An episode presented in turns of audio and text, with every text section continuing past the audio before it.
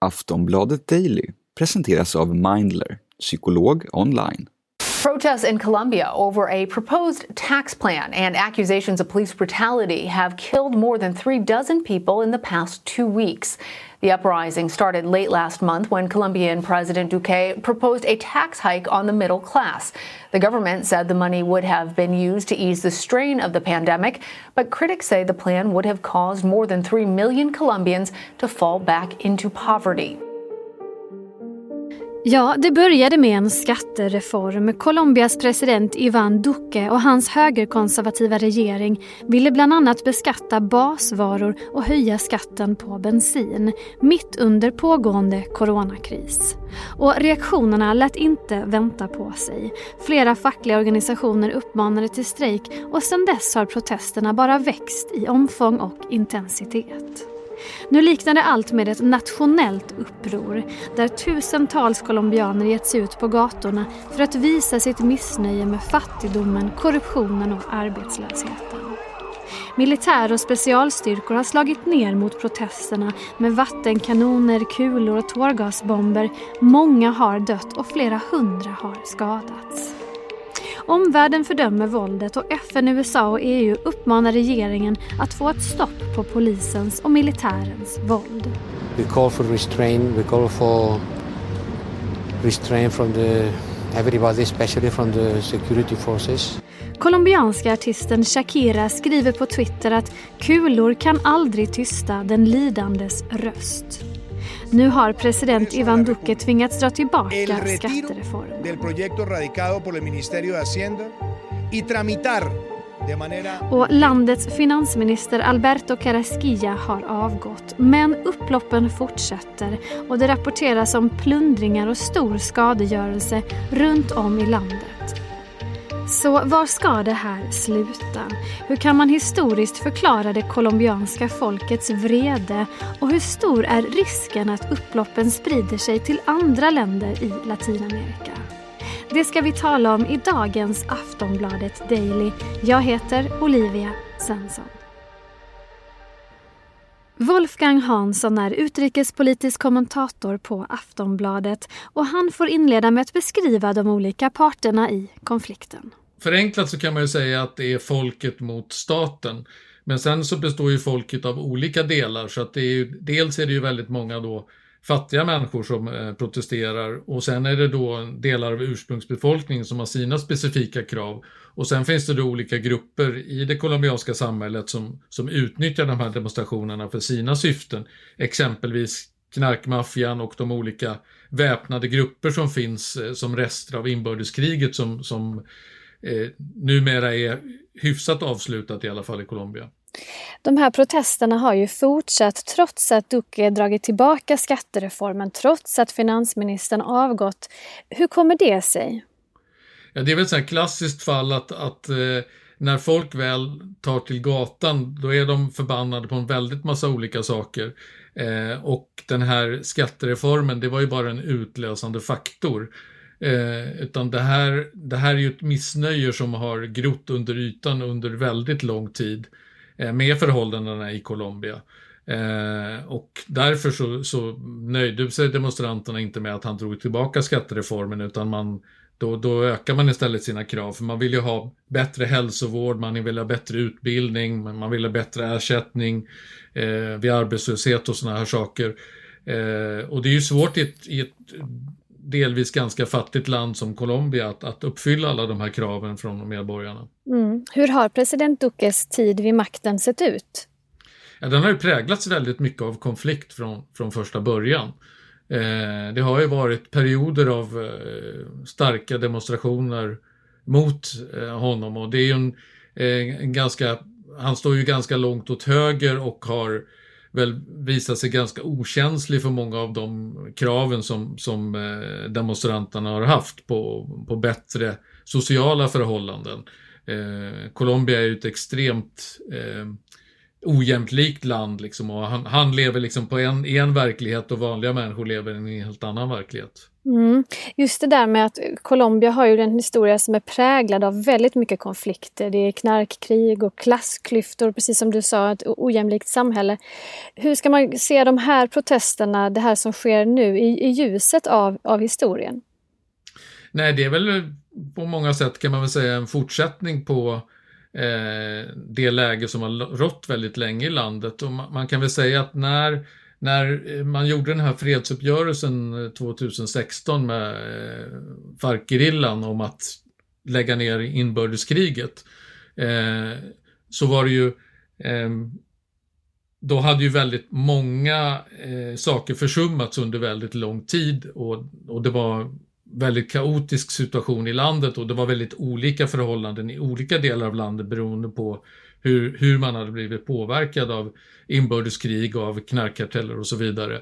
Och många av de här, mycket av det här missnöjet kom ju upp till ytan då. Dels var det folk som var missnöjda med, med hur fredsavtalet såg ut eh, och att man tyckte att de här FARC-gerillan kom undan alldeles för billigt och att de skulle liksom plötsligt få vara med i, i den politiska processen och så vidare. Men sen var det också en, en rad sociala problem som, som liksom hade kommit i skymundan av inbördeskriget som, som plötsligt dök upp till ytan. Hur, hur är FARC-gerillans ställning nu i Colombia? Ja, så den är ju satt under avväpning. Eh, så att det finns ju, man kan väl säga att det finns olika delar av den. Några har ju accepterat, eh, eh, några grupperingar har ju accepterat att eh, man ska lägga ner vapnen och bli en del av det sociala samhället, eh, av det övriga samhället. Men sen finns det ju andra grupper som eh, inte vill gå med på att bli avväpnade och som håller sig undan och som eh, då och då genomför attacker mot Colombia, colombiansk militär eller mot i byar där de liksom behöver mat eller pengar eller någonting annat. Så att, det är inte så att det, är totalt fredligt men, men Eh, delvis har ju inbördeskriget så att säga upphört. Vi ska snart prata mer med Wolfgang Hansson om situationen i Colombia. Men först några ord från vår sponsor. Skulle du vilja prata med en psykolog men vet inte riktigt hur du ska göra?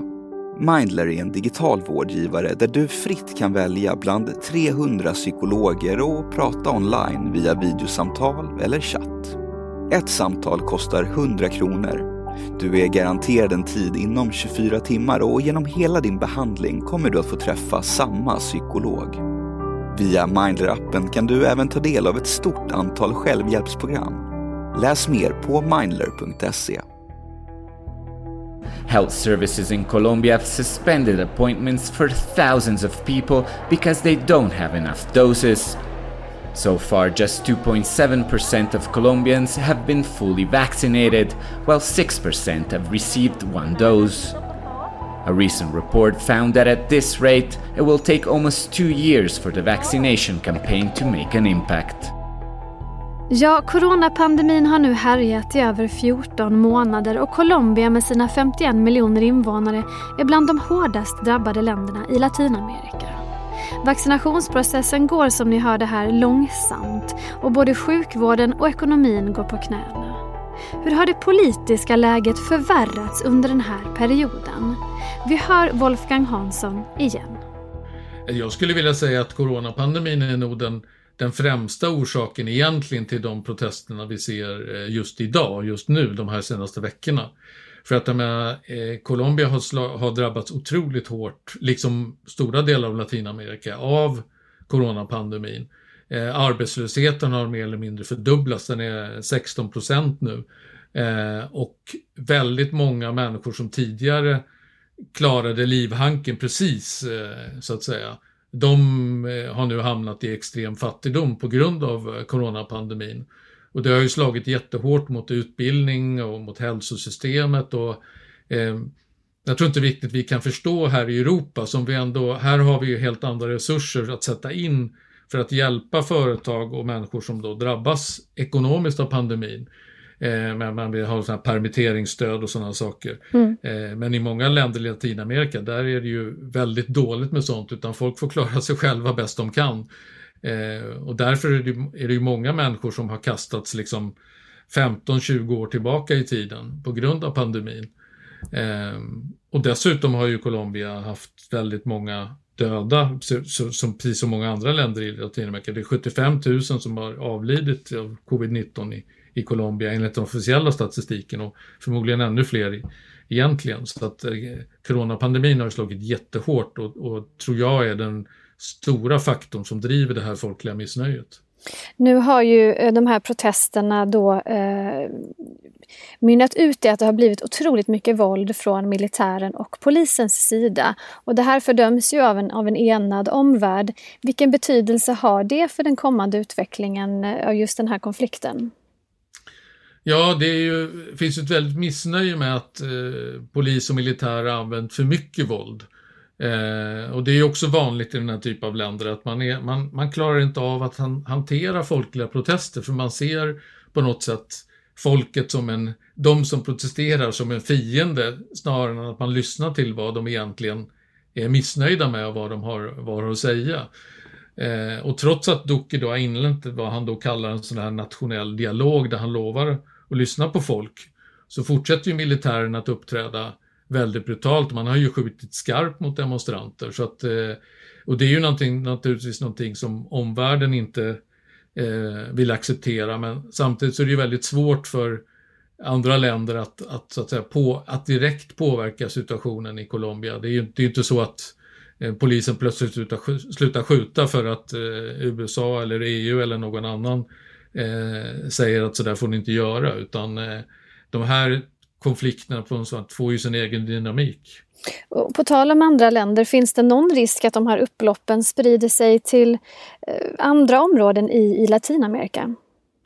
Ja, alltså jag skulle definitivt säga att eh, det här missnöjet som, som finns i Colombia, det finns i många andra latinamerikanska länder och eh, det är nog bara en tidsfråga innan det kommer att blåsa upp eh, lite här och var. Eh, vi har ju sett demonstrationer i Brasilien till exempel som också är väldigt hårt drabbad av corona och har en president som, som så att säga har, har negligerat eh, pandemin på många sätt. Vi har sett eh, tidigare starka protester i Chile. Argentina är väldigt hårt drabbat av pandemin eh, och med en ekonomi som är på väg rakt ner i källaren. Där kommer vi säkert också få se eh, ett liknande missnöje. Så, och vi har Venezuela som ju har varit eh, ett krisland under väldigt lång tid och där ju faktiskt Colombia, just Colombia har tagit emot eh, tre miljoner flyktingar från, från Venezuela. Så att eh, mm. tyvärr så ser väl kontinenten som helhet inte ut att vara på väg mot någon bra utveckling i nuläget.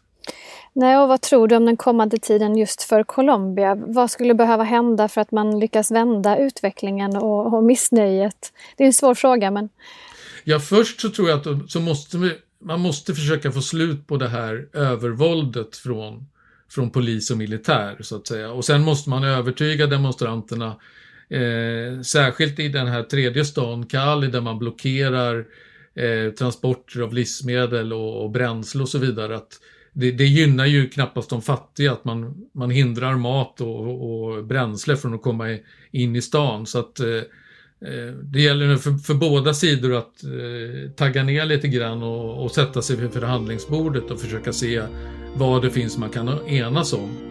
Eh, för att i längden så leder ju de här protesterna i sig inte till några förbättringar för vanliga människor. Sist här hörde vi Wolfgang Hansson, utrikespolitisk kommentator på Aftonbladet. Jag heter Olivia Svensson och du har lyssnat på Aftonbladet Daily.